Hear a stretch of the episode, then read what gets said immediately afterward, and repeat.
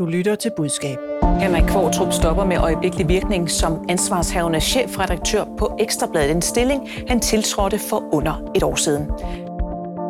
Henrik Kvartrup er færdig som chefredaktør på Ekstrabladet efter blot 9 måneder på posten. Det har givet anledning til mange spekulationer, og hovedpersonen selv er tavs om sit stop. Hvad betyder det for Ekstrabladet, at Kvartrup ikke selv vil kommentere sin afgang? Hvordan er politikens hus sluppet afsted med kommunikationen til offentligheden? Og hvordan kommunikerer man egentlig et chefskifte, uden at give plads til myter? Velkommen til Budskab, Fagbladet Journalistens nyhedsmagasin om kommunikation, hvor vi også ser nærmere på folkeafstemningen om det danske forsvarsforbehold den 1. juni.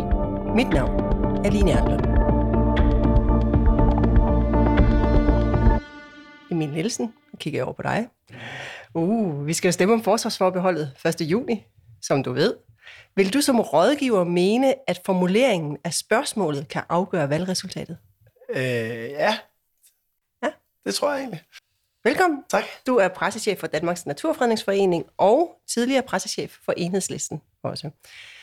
Martin Barlebo, så kigger jeg på dig, og du får samme spørgsmål. Vil du som rådgiver mene, at formuleringen af selve spørgsmålet til den 1. juni kan afgøre valgresultatet? Nej, det mener jeg ikke. Ikke når først der har været to måneder lang øh, valgkampagne om det. Okay, velkommen. Du er kommunikationschef hos Ørsted. Og Emil og Martin, så har vi taget hul på det, vi skal tale om først, nemlig det spørgsmål, danskerne skal stemme om den 1. juni. Sådan her lød det, da den danske statsminister forberedte os på det, der venter forud. Vi, der står her sammen i aften, har derfor givet hinanden hånden på, at der skal afholdes en folkeafstemning den 1. juni i år, hvor vi anbefaler danskerne meget klart at afskaffe forsvarsforbeholdet. Ja, faktum er, at Danmark i dag har nogle forbehold i forhold til EU. Der er noget, vi står udenfor, for eksempel euroen. Men vi har også det, der hedder et forsvarsforbehold, og det skal der altså så stemmes om til sommer. Men knapt er kampagnerne for et ja og et nej skudt i gang, før der er opstået debat, og det er ikke debat om indholdet. Nej, det er som en debat om formuleringen af det spørgsmål, vi skal stemme om. Stemmer du ja eller nej til, at Danmark kan deltage i det europæiske samarbejde om sikkerhed og forsvar? Det er altså det spørgsmål, der ifølge Udenrigsministeriet afspejler lovforslagets titel, og det er aftalepartierne, som sagt bag forslaget, der er blevet enige om præcis den her formulering. Men formuleringen på stemmesedlen har fået skarp kritik fra flere af Folketingets partier for at være formuleret i en politisk tone. Ja, og en af kritikerne, det er Dansk Folkepartis formand, Morten Messerschmidt.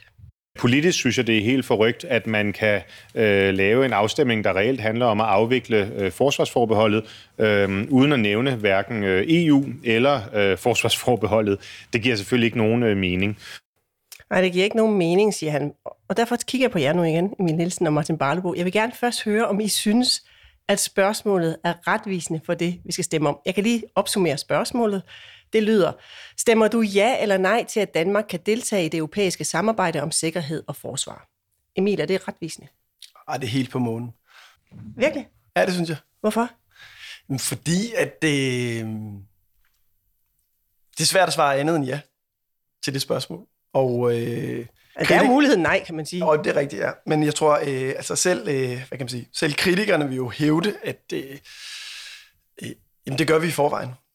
Som i princippet stemmer man ja til du ved, den praksis, der er i dag, og, og, og den formulering rummer bare ikke, øh, hvad kan man sige, omfanget af det, som vælgerne skal stemme om. Så, så det synes jeg øh, er en, en vel, velberettiget kritik, der er den spørgsmål. Det er ikke retvisende. Nej. Hvad, hvad siger du, ja eller nej til, at det er retvisende, Martin? Jeg synes i hvert fald ikke, det er på månen. Jeg synes, øh, jeg, jeg synes det, det virker som om, at Udenrigsministeriets jurister har fået lov til lige at, at lave det lige klinisk og, og kort nok. Altså, det er dem, der er kommet derovre i Udenrigsministeriet. Man er kommet, der er nogle embedsmænd, der ligesom er kommet med et, øh, et forslag, og så har der så været et nik til det øh, fra politikerne fra, fra ja-siden til, at det her, det kunne man godt køre med, og så er det nu i høring. Så det kan altså godt blive ændret endnu, skal vi lige sige. Men, men du synes egentlig, det er sådan rimelig retvisende? Skal Jeg synes, jeg synes, man kunne godt have nævnt øh, den europæiske union, og man kunne også godt have nævnt, øh, at det var uden forbehold, man skulle deltage. Men, øh, men, men jeg synes ikke, det er på månen. Jeg synes, jeg synes man kunne godt have givet det lidt, lidt mere øh, øh, kontekst, men, men egentlig synes jeg, det er okay. Men Emil Nielsen, kunne man have forudset, du kender Christiansborg, øh, og har jo også stemt for et af nej, eller arbejdet for et af nej-partierne, nemlig enhedslisten. Kunne man have forudset, det her det vil give ballade? Ja, det vil jeg mene da. Jeg tror, jeg bliver så nok nødt til lige sådan at deklarere lidt, øh, fordi nogle gange, der, når man diskuterer EU, så er det sådan uforsonligt. Øh, og, øh, og jeg har jo selv aktivt også kan man sige, været, været involveret i flere nej-kampagner. Øh, men mit eget personlige øh, udgangspunkt i forhold til de her diskussioner er, at jeg selv er meget EU-positiv, og jeg er også med overvejende stor sandsynlighed kommer til at stemme ja. Okay, det vil undre nogen, tror jeg. Jamen, det er du så har, hvordan har du så kunnet arbejde for det andet? Ja, du ved, ja. Altså, jeg tror aldrig, man køber hele pakken øh, der, hvor man arbejder. Så er det jo nogle gange, der går man jo på arbejde og løser en, øh, en, en faglig opgave og, øh, og får en tilfredsstillelse ved at, at løse den fagligt godt, uanset hvad man selv mener. Er det svært egentlig? Ja, ja, jo. Det, det har ikke altid været lige lidt, men øh, så er det jo godt, man kan være arbejde professionelt. Okay. Ja, men tilbage til, om man kunne have forudset yes. det, mener du godt, man kunne have, have gjort. Øh, mener du også det, Martin Barlebo, for da vi talte sammen i går, der sagde du, man kunne jo godt lige have haft nej-partierne til måske også en negativ formulering, så man havde undgået balladen. Jeg, jeg, jeg havde synes, det været realistisk, tror du? Øh, det synes jeg bestemt, man skulle have gjort, men jeg synes, det er helt forudsigeligt, at der kommer en debat om det her spørgsmål. Øh, for, for det er jo en del af kampagnen, det er jo en del af nej kampagne, det er jo at diskutere spørgsmålet også, og, og jeg synes, en del af, af nej-kampagnerne sådan gennem tiden har jo netop været en, et, et, et modsætning mellem sådan det elitære og det etablerede mod sådan det folkelige, og det, og det, det er jo det her jo også, skriver det jo sig ind i, ligesom at, at nu bestemmer ja-siden, hvad vi skal, hvad vi skal spørge os om, øh, og, og det, er helt, det er helt forkert, mener, mener nej-siden. Så, så det er jo en måde ligesom at, at få kampagnen i gang på. Øhm, og så er nej-siden jo sammensat, så der er jo forskellige øh, argumenter mod, og derfor tror jeg aldrig, man kunne have opnået en, en formulering, som alle nej-partier vil sige ja til. Og det tror jeg sådan set stadigvæk ikke. Man kan godt diskutere, skal, skal spørgsmålet laves om, øh, som du siger, efter høring, men jeg tror, man kommer aldrig til, at alle nej-partier er enige om formuleringen. Nej, men lad os så prøve at se på, på noget af den kritik, der har været, for den har kørt i en uges tid nu, siden spørgsmålet blev offentligt kendt. Og under et besøg i sidste uge i Letland, der svarede statsministeren sådan her på kritikken. Men der er jo ikke nogen forvirring omkring det her. Altså undskyld mig, altså alle danskere ved da godt, at det vi tager stilling til 1. juni, det er, om Danmark skal være med øh, i det europæiske arbejde på forsvars- og sikkerhedsområdet. Ja, sådan her sagde hun til TV2 øh, i tirsdags i denne uge efter partilederdebatten i Folketinget. Jeg tror, man skal passe på med at undervurdere danskerne. Jeg tror, at danskerne er fuldt ud opmærksom på, hvad det er, vi stemmer om den 1. juni. Det, vi stemmer om, det er, om Danmark skal være med i det forsvars- og sikkerhedspolitiske samarbejde på vores eget kontinent i den europæiske union. Emil Nielsen, hvordan synes du, statsministeren håndterer kritikken? Altså, hun undervurderer ikke danskerne, siger hun. Altså, jeg vil sige, at altså, hun er jo ret. Altså, jeg tror ikke, at, det, at formuleringen af spørgsmålet har indflydelse på, hvad vælgerne stemmer i stemmeboksen. Men jeg tror, at debatten om spørgsmålet kan flytte nogle vælgere. Øh, og, øh, og, og man kan sige, efter en helt sådan overordnet betragtning, så, øh, så har, øh, synes jeg, at ja-partierne har en, en, en god sag, øh, særligt i, i lyset af, hvad der, hvad der sker i Ukraine og øh, en ny geopolitisk situation. Øh, så derfor har de jo bare en interesse i at få en debat om, hvad kan man sige, om indholdet, om substansen. Og jo længere tid vi diskuterer det her, øh, men så stiller man bare nej-partierne nej-siden bedre. Øh, så i det lys, så nej, så synes jeg ikke, hun håndterer det særlig godt, fordi den eneste, hvad kan man sige, øh, det eneste, hun burde gøre, var at få lagt den diskussion død og komme videre i teksten og få diskuteret EU og geopolitik, og hvordan forholder vi os til Ruslands øh, aggressive ekspansionspolitik osv. osv., osv.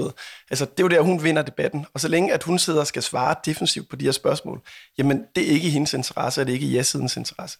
I skal lige høre, fordi flere af dem, der vil stemme... Ja, du markerer, du må godt stemme. Ja, ja det, altså, jeg tror bare, hvis, hvis, hvis man ligesom laver, laver spørgsmålsformuleringen lidt om nu, så, så vil der komme en ny debat om, at det ikke er nok. Altså, hvad skal formuleringen være? Altså, der er sikkert nogen, som synes, formuleringen skulle være, skal Danmark deltage i et øh, overstatsligt øh, forsvarssamarbejde, hvor vi med flertalsafgørelse kan blive tvunget til at bidrage til en EU her, eller sådan et eller andet. Altså, jeg synes, man kan blive ved med at kritisere en spørgsmålsformulering. Derfor tror jeg ikke, man kan lægge den debat død. Så du mener ikke, man skal imødegå øh, ønsker om at ændre spørgsmålet? Øh, jeg, jeg tror godt, man kan, kan imødegå nogle af kommentarerne, men jeg tror aldrig, man kommer dertil, hvor alle ja-partier vil sige, ja, det er den rigtige spørgsmålsformulering. Eller nej-partierne. Eller undskyld, nej-partierne ja, ja. siger, det er den rigtige spørgsmålsformulering, og, og den støtter vi alle sammen op om. Jamen, jeg tror, altså, hvis, hvis, hvis det kun handlede om at få nej-partierne til at du ved, acceptere en formulering, det tror jeg, du er ret i, det kan sikkert være svært. Problemet her er jo, at det er jo, altså, det er jo alle, der synes, at det er en, en, en misvisende formulering. Er jo ikke statsministeren, kan vi høre. Nej, ikke statsministeren, men hun kan sige også en politisk aktør. Men om du spørger kommentatorer, eksperter, juraprofessorer eller andet, så har der jo været ret bred kritik af den formulering. Og der tror jeg da i hvert fald, at, at, det, at partierne bag den, den nye forsvarsaftale blev nødt til at komme med en eller anden øh, imødekommelse. Og så kan man sige, så er der jo en lovbehandling i Folketinget, så at der er jo nogle oplagte anledninger til faktisk at justere uden Men kan Martin er... ikke have en pointe, at, at man kan aldrig gøre alle tilfredse, og så kan det her bare fortsætte, så kan vi netop fortsætte med diskussionen helt frem til 1. juni? Jo, men man kan sige, at målgruppen her er jo ikke nej-partierne, målgruppen her er jo den brede offentlighed, og, og de reagerer jo også meget, altså i høj grad på, øh, hvad siger, øh, hvad, kan man sige, hvad er det generelle mediebillede, hvad siger eksperterne, hvad siger øh, kommentatorerne, og lige nu er det jo bare, du ved, de der øh, altså flertal af ja, partierne på Christiansborg, som øh, arbejder for et ja, som er i modvind mod alle. Altså, du kan jo ikke finde en ekspert eller en politisk kommentator, som der er enig i, at det er en retvisende øh, formulering. Og det er jo der, de har et problem. Men lad os lige prøve at høre, fordi øh, SF's forsvarsordfører, øh, SF og ja-partierne, øh, har sagt til JP, at øh, de er åbne over for at ændre på noget. Her kommer et citat. Vi har ikke noget imod, at man ændrer lidt på den. For eksempel, at man skriver ordet EU ind et eller andet sted, hvis det er meget vigtigt for de andre partier. Og Jyllandsposten har citeret Venstreformand Jakob Ellemann Jensen for, citat, at hvis der er behov for at præcisere det, jamen så få det præciseret. Og tidligere statsminister Lars Løkke Rasmussen, øh, der jo er løsgænger, han siger, at formuleringen bør laves om. Han er træt af diskussionen, for den afsporer debatten. Og jeg synes bare, det er lidt ærgerligt, at vi nu bruger den første fase af alt det her. Det gør mig selv skyldig i, også ved at gå ind i den her debat, som man kunne sige, jeg skulle bare holde mig udenfor. Men vi kommer til at bruge første fase af det her til at diskutere hele narrativet omkring det. Øh, I stedet for at komme ind i en diskussion, der handler om øh, altså substansen, ikke? Ja, og så Lykke vil jo gerne have ordet EU, og han vil også gerne have ordet forbehold øh, ind i teksten. Martin Barlebo, hvis nu du sad som rådgiver over ved øh, Mette Frederiksen, øh, øh, og du måske selv mener, at den her debat, der vil fortsætte ligegyldigt hvad, vi kan ikke gøre alle tilfredse, hvad vil din rådgivning så være til hende? Fordi Lykke siger jo, altså han mener jo, den afsporer debatten. Det er også det, Emil siger. Ja, der er ingen tvivl om, at, at regeringen og ja-partierne, de har ligesom en interesse i, at debatten kommer videre. Og hvordan kommer den videre? Det, det synes jeg, de skulle, skulle overveje. Hvordan kommer, kommer den videre ved, at man ændrer noget formulering, og så kommer den videre, eller kan man gøre noget andet for at få den, få den, få den videre? Og der tror jeg måske, at, at begge muligheder øh, skulle man jo undersøge, hvordan, hvordan gør man, hvad, hvad kunne man gøre for at få debatten videre fra, fra formuleringen? Fordi risikoen er jo, som du selv siger, at hvis man laver den om, så, så fortsætter debatten bare om, at man ikke laver formuleringen nok om. Men jeg kan godt lide et ja, klart ja eller nej svar. Vil du rådgive hende til at ændre formuleringen? Det synes jeg godt, hun kan, men, øh, men jeg synes, hun skal også gøre noget andet for at få debatten videre, for jeg tror ikke, at en ændring af formuleringen vil, vil stoppe den debat. Det tror jeg sådan set, den vil, den vil fortsætte, øh, fordi, fordi så længe nej, øh, nej-partierne ligesom synes, at, at debatten har noget, noget energi i sig, og den kan fortsætte. Hvis den ikke kan det, så, så dør den, og så må de jo ligesom videre til nogle andre emner og debattere det. Emil Nielsen, skulle man så have nej-partierne med til at nikke til den nye formulering? Nej, det tror jeg ikke. Det, det, det tror jeg ikke er nødvendigt. Hvad er så nødvendigt? Det er at give en indrømmelse. Og den kan man jo gøre på alle, på alle mulige måder. Ikke? Øh, så, så altså, jeg, jeg tror, jeg, der tror jeg, Martin har ret i, at det kan være svært at opnå sådan en fuldstændig konsensus, øh, og, og i sådan ren, ud fra sådan et, en anden demokratisk, øh, idealistisk ramme, ville det da være smukt, hvis man kunne du ved, samle alle partier om enighed om afstemningstemaer. Men altså, det tror jeg, der kan være svært, og jeg tror også, der kan være noget, altså, nogle omkostninger forbundet ved at invitere øh, nej-partierne med ind i det rum og, øh, og kunne bedrive politik. Så jeg tror egentlig bare at rive plasteret af, komme med en indrømmelse og sige, godt nok, vi starter forfra, øh, og så komme videre i teksten. Og så ikke have nej-partierne som målgruppe, men have hvad kan man sige, den bredere offentlighed og signalere, at man selvfølgelig har taget kan man sige, øh, notis af debatten, og, øh, og, og nu imødekommer man den. Hvad skulle den nye formulering så være, synes du, som gjorde, at man rev plasteret af at komme videre? Altså, jeg, altså, som jeg sagde lige før, så tror jeg ikke, at formuleringen nede i stemmeboksen har nogen som helst betydning for, hvor krydset er. Øh, så derfor synes jeg også godt, at de kan give en forholdsvis stor indrømmelse. Og i den bedste af alle verdener, tror jeg, at den, altså, den formulering, som jeg vil anbefale, vil jo være at sige, øh, stemmer du ja eller nej til at afskaffe forsvarsforbeholdet? Og så kunne man jo godt supplere med, øh, så Danmark kan deltage fuldt ud i det europæiske samarbejde om øh, øh, forsvars- og sikkerhedspolitikken. Men du sagde jo indledningsvis, at du mente faktisk, at spørgsmålet godt kunne have betydning for valgresultatet. Ikke, ikke, ikke formuleringen af spørgsmålet, men debatten om spørgsmålet. Okay. Martin Barlebo, hvad vil du mene? Hvad er dit bud på egentlig, øh, teksten skulle justeres til, hvis du mener, at man godt kunne justere lidt?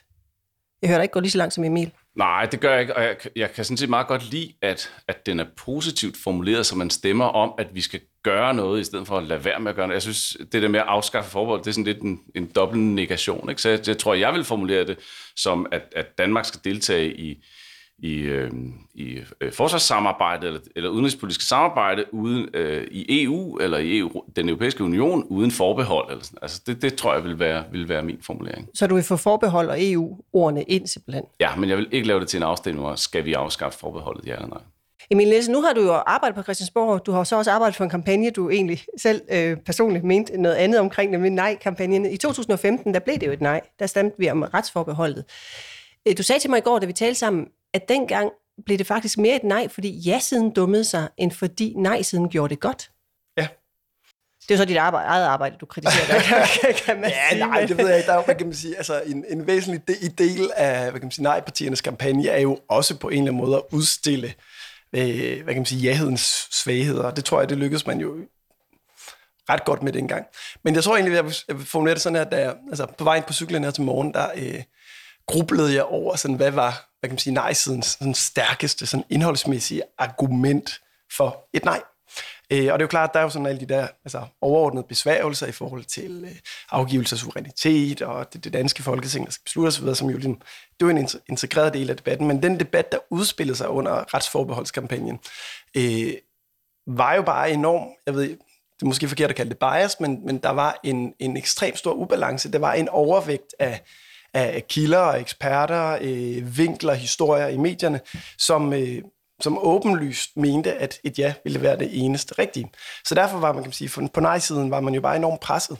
Og jeg tror, at det, der flyttede allerflest vælgere under den kampagne, det var, det var nej-sidens øh, øh, lettere skingre øh, kampagne.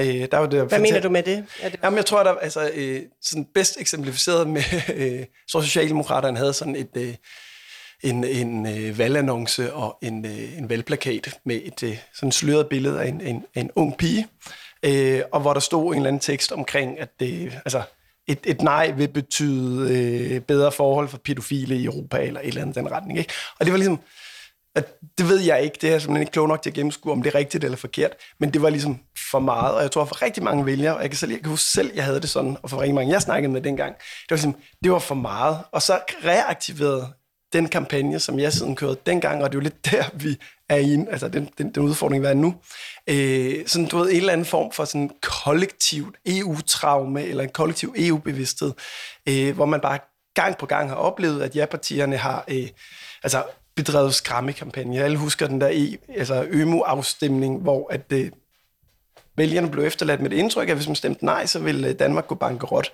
Øh, tvær, og det skete jo ikke tværtimod, så var, blev Danmark, dansk økonomi konsolideret, og de, øh, de lande, som der var tilsluttet euroen, jo fik store økonomiske problemer, nogle steder i hvert fald. Øh, og det tror jeg bare er, er sådan lejet i den kollektive bevidsthed blandt vælgerne, dele af vælgerne i hvert fald.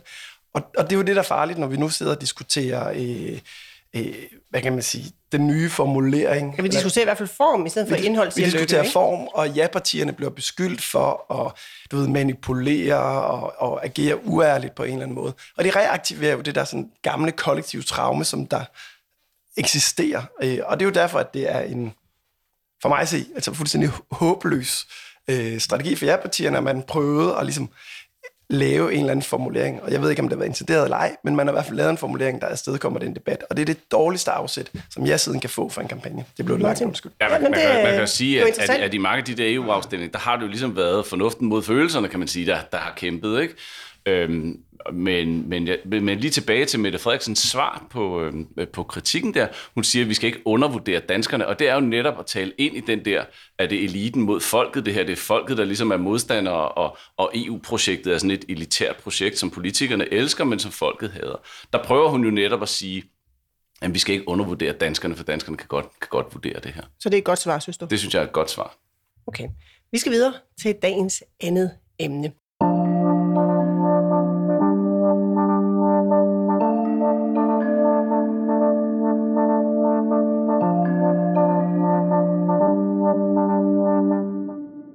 Vi skal nemlig til et øh, opsigtsvækkende chefskifte på Rådhuspladsen, der jo ikke ligger så langt fra, hvor vi sidder her i en baggård og, øh, og laver denne podcast. Henrik Kvartrup, ham kender I, han tiltrådte i sommer som ny chefredaktør på Ekstrabladet, helt præcist 1. juli. Ved ansættelsen havde Kvartrup store ambitioner på avisens vegne. Vi skal på ingen måde have nogen overdreven sådan respekt for eliten i det her samfund. Det vil være sådan politiske elite, eller det vil være sig erhvervseliten, eller kongehuset for den sags skyld. Ja, og om hvorfor han var den rigtige til jobbet, der sagde han sådan her. Jeg er jo blevet beskyldt for mange ting gennem tiden, men jeg er dog aldrig blevet beskyldt for sådan at være, være konfliktsky, eller være en, der ikke tør øh, udfordre den gode stemning. Og det tror jeg egentlig passer meget godt til Ekstrabladet. Og så er jeg jo altså journalist med hud og hår. Han er journalist med hud og hår, og nu, ni måneder senere, har han altså så ifølge en pressemeddelelse valgt at stoppe som chefredaktør, fordi han netop hellere vil være journalist end chef. Han er stoppet med omgående virkning og bliver i stedet afløst af Knud Brix, der siden december har været chefredaktør sammen med Kvartrup. Det blev oplyst i en pressemeddelelse, der blev sendt ud i mandags den 4. april.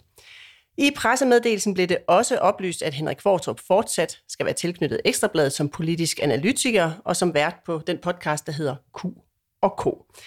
Direktør i JP Politikens Hus, han hedder Stig Ørskov. Han har efterfølgende stillet op til interviews flere steder, men der er også spørgsmål, som han ikke svarer direkte på, for eksempel om det var en fejl at ansætte Henrik Kvartrup i første omgang, eller hvem der tog initiativet til chefskiftet.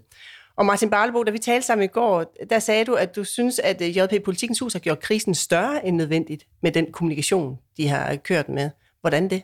Jeg synes, det her er jo, er jo en sag, som, som igen ligesom viser, at at øh, ledelse i mediebranchen virkelig øh, ikke bliver taget særlig alvorligt. At, at det ligesom bliver set som, at man en god journalist, så er man en god leder. Jamen det er så det, de ændrer på. Så kan man ikke sige, at øh, de på den måde har, har, har lært af erfaring og, og lytte efter? Jo, så, men, men den, det kommer vi sikkert til, men den nye direktør har jo ikke nogen øh, imponerende lang ledelseserfaring, og det synes jeg sætter et signal øh, både til ledere og medarbejdere øh, i Ekstrabladet, hvad man mener om ledelse. Okay. Men prøv at høre, de sender en pressemeddelelse ud fra JP Politikens Hus. Den kom ud i mandags, og de stiller ovenikøbet op til interviews. Altså, jeg, Stig Ørskov stiller også, altså, han har også talt med os her på budskab. Øhm, så jeg, jeg ved ikke, om han har sagt nej til nogle interviews overhovedet, men jeg har i hvert fald indtryk af, at han har sagt ja til rigtig, rigtig meget. Kan man ikke sige, Emil Nielsen, at han faktisk har gjort alt det, som vi normalt sidder og beder om her i, øh, i, i budskab? Jo, altså Stig Ørskov? Ja. Jo, jo, sikkert, men det hjælper jo bare ikke, øh, det hjælper jo bare ikke på det. Øh, Hvorfor ikke? Man kan sige, altså, altså for det første så er, kan man sige, der er jo, det er sådan en, øh, det er jo en særlig disciplin, det der med, hvordan kommunikerer man, når man skifter ud på topposten, uanset om det er et parti, eller en virksomhed, eller en stor medievirksomhed. Øh, og jeg vil sige, jeg synes jo, på en eller anden måde kommer de jo ganske fint fra start. Det er jo en fin nok pressemeddelelse, hvor at man signalerer det, man gerne skal, at det sker i, i, i fælles forståelse, og, og der er jo også en eller anden grad af troværdighed i, i en fortælling omkring, at Henrik Kvartrup gerne vil være du ved, journalist igen, det driver mere for, det, den, det, det tager jeg egentlig for gode varer. Øh, problemet er jo her, at det i de efterfølgende handlinger og efterfølgende dage ikke understøtter den fortælling. Og, og det er jo derfor, vi sidder og diskuterer, at det, jamen, kan det have været en, en, en, en frivillig aftale, når Henrik Kvartrup ikke selv fagner den kommunikation, når han ikke selv stiller op til interviews, når han ikke selv fronter sine medarbejdere. Og det er jo den der diskrepans, som der gør, at vi nu kan snakke om, at der er en eller anden form for kommunikationsmæssig krise i, i håndteringen af det her. Men skal vi ikke prøve at høre nogle klip? Fordi vi har jo som sagt talt med, øh, med Stig Ørskov, og vi har spurgt ham med, øh, hvorfor han ikke kommunikerer eksternt om, hvem der tog initiativet til Kvartrups nye rolle, og altså går ind i nogle af de her detaljspørgsmål, der er. Øh, her er hans svar på det spørgsmål. Altså, jeg synes jo, vi har kommunikeret ret åbent øh, om øh, Henriks beslutning om, at skal skifte funktion nærmest på, på Ekstrabladet. Altså at gå fra at være ansvarshavende chefredaktør til nu at skal producere blandt andet Q&K og være politisk analytiker. Øh, og, og, og som det jo er, når man så at sige er i sådan nogle forløb, altså, så har man jo samtaler undervejs for at finde ud af, hvor er det, man så at sige skal ende henne. Og jeg synes simpelthen næsten er for meget for langt, at man skal ligge det frem til offentlig skue, øh, hvordan man så at sige samtaler undervejs i den slags proces. Og, og, og jeg vil sige, at altså, slutresultatet har vi kommunikeret ret udførligt om. Ja, og så kan I også lige høre, hvordan han begrunder, hvorfor det er, han ikke vil svare kort ja eller nej til for eksempel, om det var en rekrutteringsfejl at ansætte Kvartrup. Det der med, altså, var det det ene eller det andet? Altså virkeligheden er ret nuanceret, og specielt når vi har med mennesker at gøre. Øh, så er der noget, der fungerer godt, noget, der fungerer mindre godt, noget, der fungerer skidt også nogle gange. Men sådan, du ved, at hæfte det der ene ord på, at vi skal jagte det der ene ord. Var det det ene, eller det andet, eller tredje, eller fjerde? Det er der, hvor jeg synes, at journalistikken i virkeligheden gør sig mere, skal vi sige, sådan banal, og sådan, du ved, for simple ting, øh, til, til det næsten til det helt, synes jeg, sådan pinagtige. Og det gider jeg ikke at deltage Nej, han gider ikke deltage i sin wow. egen branches uh, spørgsmål. Øhm, er, det ikke et, er det ikke ok at have det sådan, Martin Barlebo? Problemet er, og det tror jeg også lidt det, som, som Emil siger, problemet er, at de sender en pressemeddelelse ud, men, men at, at, at den simpelthen ikke er troværdig, og alt det, de siger og gør bagefter, ikke er troværdigt. Han Hvorfor er den ikke troværdig i pressemeddelelsen?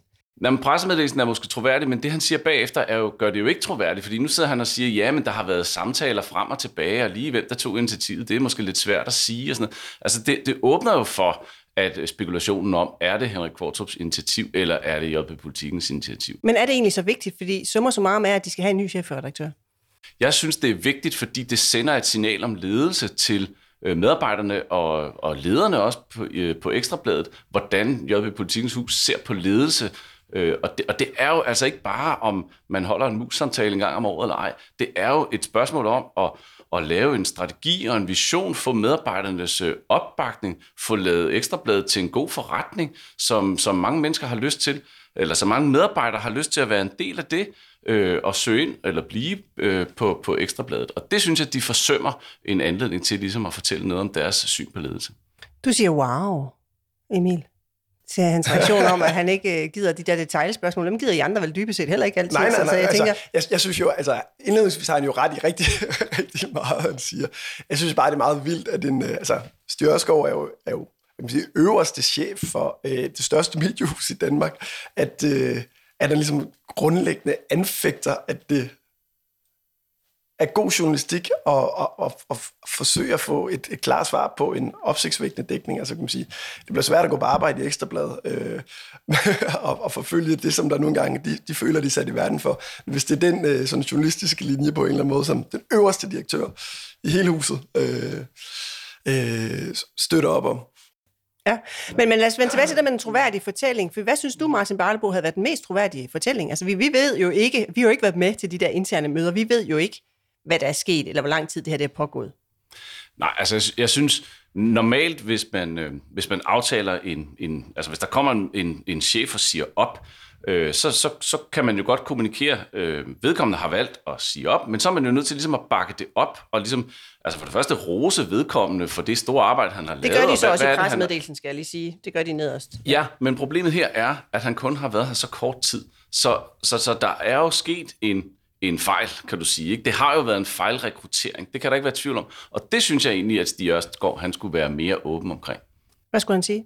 Jamen, han skulle sige, at, øh, at, at det simpelthen øh, øh, har, har været... At, at, jeg, jeg ved ikke, hvad han skulle sige, men, men det, jeg lige vil sige først måske, det er, at at for det første har man taget et, et sats ved at, ved at ansætte Henrik Kvartrup, som jo selv ligesom var lidt vævende omkring det der, hvor, hvor vigtigt ledelse var for ham. Og så har man ansat Knud Brix til at være øh, også redaktør, som heller ikke har nogen ledelseserfaring. Så, så det har jo, det har jo det har været sat sig at ansætte Henrik Kvartrup, og det har i hvert fald været en fejl, ikke ligesom at lave et hold omkring ham, som måske var bedre til ledelse og havde mere fokus på ledelse end, øh, end Henrik Kvartrup. Og det tror jeg godt, Stig Ørskov kunne have, kunne have talt om. Emil Nielsen, synes du også, det havde været mere troværdigt, hvis man gik ud og sagde direkte, ja, det var selvfølgelig en fejlrekruttering, øh, fordi at vi nu må kaste håndklædet i ringen ni måneder senere, så, så, så, så siger det sig selv, det var ikke super godt. Men altså, kommunikation er jo altid, øh, hvad kan man sige, rammesat af nogle ydre betingelser, og, øh, og her er der jo helt sikkert øh, kontraktuelle forhold og alt muligt, der gør, at der er ligesom rammer for, hvad man egentlig kan kommunikere, når man laver sådan nogle, hvad kan man sige, afskedelser, eller øh, om det så frivilligt. Ej, men så sætter man jo så typisk ned og laver en kontrakt, og så laver man jo også i den forbindelse en, en fælles kommunikationslinje, som jo også har en eller anden form for juridisk binding, det vil sige, det kan være altså, der, der kan være økonomiske konsekvenser ved, at styre skal gå ud og sige andet, end man nu engang har aftalt. Øh, og det sætter jo selvfølgelig nogle, nogle bindinger på, øh, hvad man kan kommunikere. Øh, problemet her er jo, at Kvartrup ikke, altså, man, man signalerer, at det er en, hans beslutning, men han ikke selv kommunikerer det. Altså, hvis man skulle tage det sådan rent drejebogs, kommunikationsmæssigt, hvordan man skulle have forhold, altså, orkestreret det her forløb, jamen så skulle man jo have startet med, at det var Anna Kvartrup, der selv kommunikerede den beslutning på sin egne platform, øh, stillede sig op over for medarbejderne og sagde, nu skal I høre. Øh, og så kunne man så efterlade en, en rum tid til, at øh, man kunne have organiseret sig på en ny måde. Øh. Ja, fordi det, der er sket, det er faktisk, at Henrik Kvartrup jo er tavs. Øhm, her på budskab har han også pænt takket nej til at kommentere det, og vi ved, at han var ikke med øh, på det øh, 40 minutter lange møde internt på Ekstrabladet i mandags, hvor det ligesom blev annonceret, at der var et chefskifte. Der siger Stig Ørskov, øh, at det er fordi, at øh, Henrik Kvartrup gerne vil have, at Knud Brix skulle stå der og shine, og så var han ikke med. Men altså, han har heller ikke øh, deltaget i nogle interviews nogen steder. Øhm, og der kan, vil jeg sige, Martin Barlebo, altså det, det kan JP Politikens Hus vel ikke tvinge en mand til nu når han ikke er der mere, at han skal stille sig op og sige noget? Jo, det kan de godt. Det kan de godt. Det kan godt være en del af den aftale, som, som Emil siger, den laver man, når man, når man aftaler, aftaler en, en fratrædelse. Så, så det kunne de godt have skrevet ind i den aftale, at det skulle han stille sig til rådighed for. Hvilken forskel havde det gjort, synes du? Jamen, det havde, som, som Emil siger, det er jeg helt enig med ham i, det havde givet historien mere troværdighed, at Henrik Kvartrup selv havde fortalt om sin beslutning. Har du tvunget nogen til? Altså, du, du har været kommunikationschef i mange år, så jeg tænker, du har også været med omkring øh, både frivillige og ufrivillige fratrædelser. Har du tvunget nogen med ind i kommunikationsluppe? Jeg har ikke tvunget nogen til at stille op til interview, øh, for det har ikke været relevant, men, øh, men jeg har bestemt øh, aftalt kommunikationen helt præcist på, hvem der siger hvad og hvornår og hvordan. Okay. Ja, og hvordan gør man? Altså, hvad, hvad, hvad skriver man? Altså, er det sådan noget med, at du bliver trukket øh, den månedsløn, hvis du så ikke gør det alligevel, eller hvad er det, man Nej, det er jo en del af en, af en samlet aftale. Altså, det er jo en del af fratrædelsesaftalen. Det er kommunikation. Det er, at man er enighed, enige om kommunikation, og det er både, øh, hvad står der i pressemeddelelsen, og hvordan, hvordan kommunikerer vi det, øh, både internt og eksternt. Og det er klart, hvis man, hvis man ikke opfylder øh, den del af aftalen, så har man jo brudt aftalen, og så, øh, altså, det har jo juridiske konsekvenser. Øh, Emil, jeg ved på Christiansborg, da du var derinde, der var du jo med omkring øh, det politiske chef, lederskifte, han har sagt, øh, da I skiftede politisk leder fra Johannes Schmidt Nielsen til Pernille Skipper. Øh, det skifte, der fortalte du mig i går, det brugte du tre kvart år på at forberede. Ja. Hvordan kan man bruge så lang tid på at forberede et chefskifte? Altså det med hensyn til kommunikation. Øh... Jo, jo, altså... Øh Altså man kan jo ikke en til en sammenligne, altså blandt andet fordi i enhedslisten har man sådan et rotationsprincip, så man ved ligesom, hvornår at der er en udløbsdato for ens politisk ledelse. Ikke? Men nu er Henrik Kvartrup heller ikke fyret, siger de. De nej, siger, nej, han selv har, har truffet beslutningen. Jeg, jeg tror mere bare, at, at det, øh, jeg kan sige, det vigtige her er jo, at, at det har jo en enorm stor betydning, hvem der er, hvad kan man sige, topchef eller politisk leder, eller hvad kan man sige, står, står øverst på skamlen i, i, i en virksomhed. Øh, og det er jo sådan noget, du ved, hele fortælling, kommunikation, øh, brand, strategi er jo bundet op i høj grad på den ene person. Og derfor er det jo et afgørende øjeblik som organisation, når man skifter ud på, på den post. Øh, og det er også noget af det, som Martin også siger, altså at, at derfor er det jo afgørende, at man tilrettelægger noget kommunikation, øh, som muliggør, at man kommer bedst muligt videre, øh, og at man har nogle meget, meget klare rammer, nogle meget, meget klare aftaler for, hvordan man eksekverer den kommunikation. Og det er jo klart, at når det er et politisk parti, jamen så er der jo alt muligt på spil. Det er jo både interne balancer i en folketingsgruppe, der er en masse medarbejdere, øh, og så ikke mindst er der jo en masse vælgere og en masse sådan, politiske kommentatorer og journalister og en offentlighed, som man skal øh, adressere. Og, øh, og når man laver sådan en skifte, så, øh, så bliver man jo dels nødt til at, at opbygge, hvad kan man sige, den nye der skal stille sig i spidsen, så vedkommende har noget, hvad kan man sige, pondus og troværdighed, og, og etableret som en, en værdig aftager, så at sige. Men man bliver jo også nødt til på en eller anden måde at få sikret, at, at strategien står ved magt, medmindre man vil bruge det til at signalere noget nyt. I vores tilfælde, da vi lavede øh, det skifte, var det jo ret afgørende at signalere, at det var hvad man sige, den samme politiske linje, det var øh, øh, det skete i fred og fordragelighed, der var ikke nogen interne konflikter osv. osv. Jeg vil undgå det der rum for mytedannelser. Lige præcis, ikke? Øh, så, så, så den historie, vi gerne vil, vil, vil lave, var jo men det lykkedes enhedslisten igen at skifte fra en dygtig, karismatisk frontfigur til en ny uden, øh, uden konflikter og drama i en tid, hvor at Christiansborg eller struknet i personkampe og øh, dramatiske formandsskifte. Øh, og det tager jo bare lang tid at forberede den type kommunikation. Og så tænker jeg, Martin Barlbo, de har jo ikke tre kvart år. Altså, det er jo den tid, han Kvartrup har været inde ved Ekstrabladet. Jeg tænker ikke, han har været på vej ud af døren, samtidig med, at han trådte ind, så der, de har jo alt andet lige ikke haft så lang tid. Øh, hvor, hvor hurtigt vil du mene, at man kan lave de her aftaler, og så ligesom få lavet en ordentlig fortælling, som alle støtter op om? Det kan man gøre på et par dage. Øh, det, det behøver man ikke mere, mere tid til.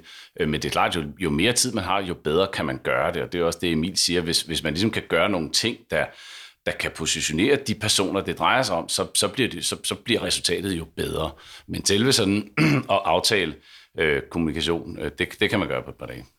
Øhm, Ekstrabladets chefskifte har jo givet en del medieomtale, øhm, også på de sociale medier. Jeg vil lige læse et tweet op fra jer, som øh, kommer fra den tidligere direktør på Radio 24 Jørgen Ramskov, han er rimelig barsk, vil jeg sige, i sin kritik. Jeg citerer lige. Når ingen andre tør, EB's nye slogan, men det holdt ikke længe. Ifølge EB er Henrik Q. selvfølgelig ikke fyret. EB tør end ikke beskrive virkeligheden. Når ingen andre tør, min bare er, skriver han så. Martin Barlebo, er det ikke dybest set bare, nu sidder vi godt nok snakke om det her, men der er lidt støj på linjen, om 14 dage så er alle glemt det, og så kører vi videre. Øh, det, det, det synes jeg ikke, øh, det er. Altså dels er der sådan det, øh, øh som, som Emil også sagde tidligere, altså hvordan skal man ligesom få folk til at stille op på Ekstrabladet og, og, og spørge ind til nogle ting, hvis, hvis, hvis ikke engang Ekstrabladet selv ligesom stiller op. Øh, det, det synes jeg er, er en ting. Noget andet, som jeg har nævnt nogle gange, det er det her signal, man sender til, øh, til medarbejdere og ledere på Ekstrabladet om, hvor vigtig ledelse er. Og der, der synes jeg virkelig, de, øh, de har sat sig et virkelig, virkelig dårligt sted. Ja. Martin Barlebo, tak for dagens gode råd.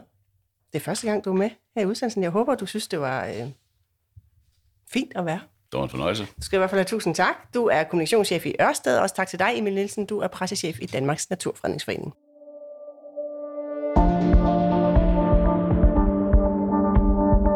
Du lyttede til Budskab, der er skabt af Fagbladet Journalisten. Redaktør er Marie Nyhus. Akkerpark Productions står for lyd og teknik. I dagens afsnit har du hørt klip fra TV2, TV2 News og P1. Du kan abonnere på vores podcast. Giv den meget gerne en anmeldelse på din vej. Mit navn er Line Ernlund. Og husk, ord er ikke bare ord.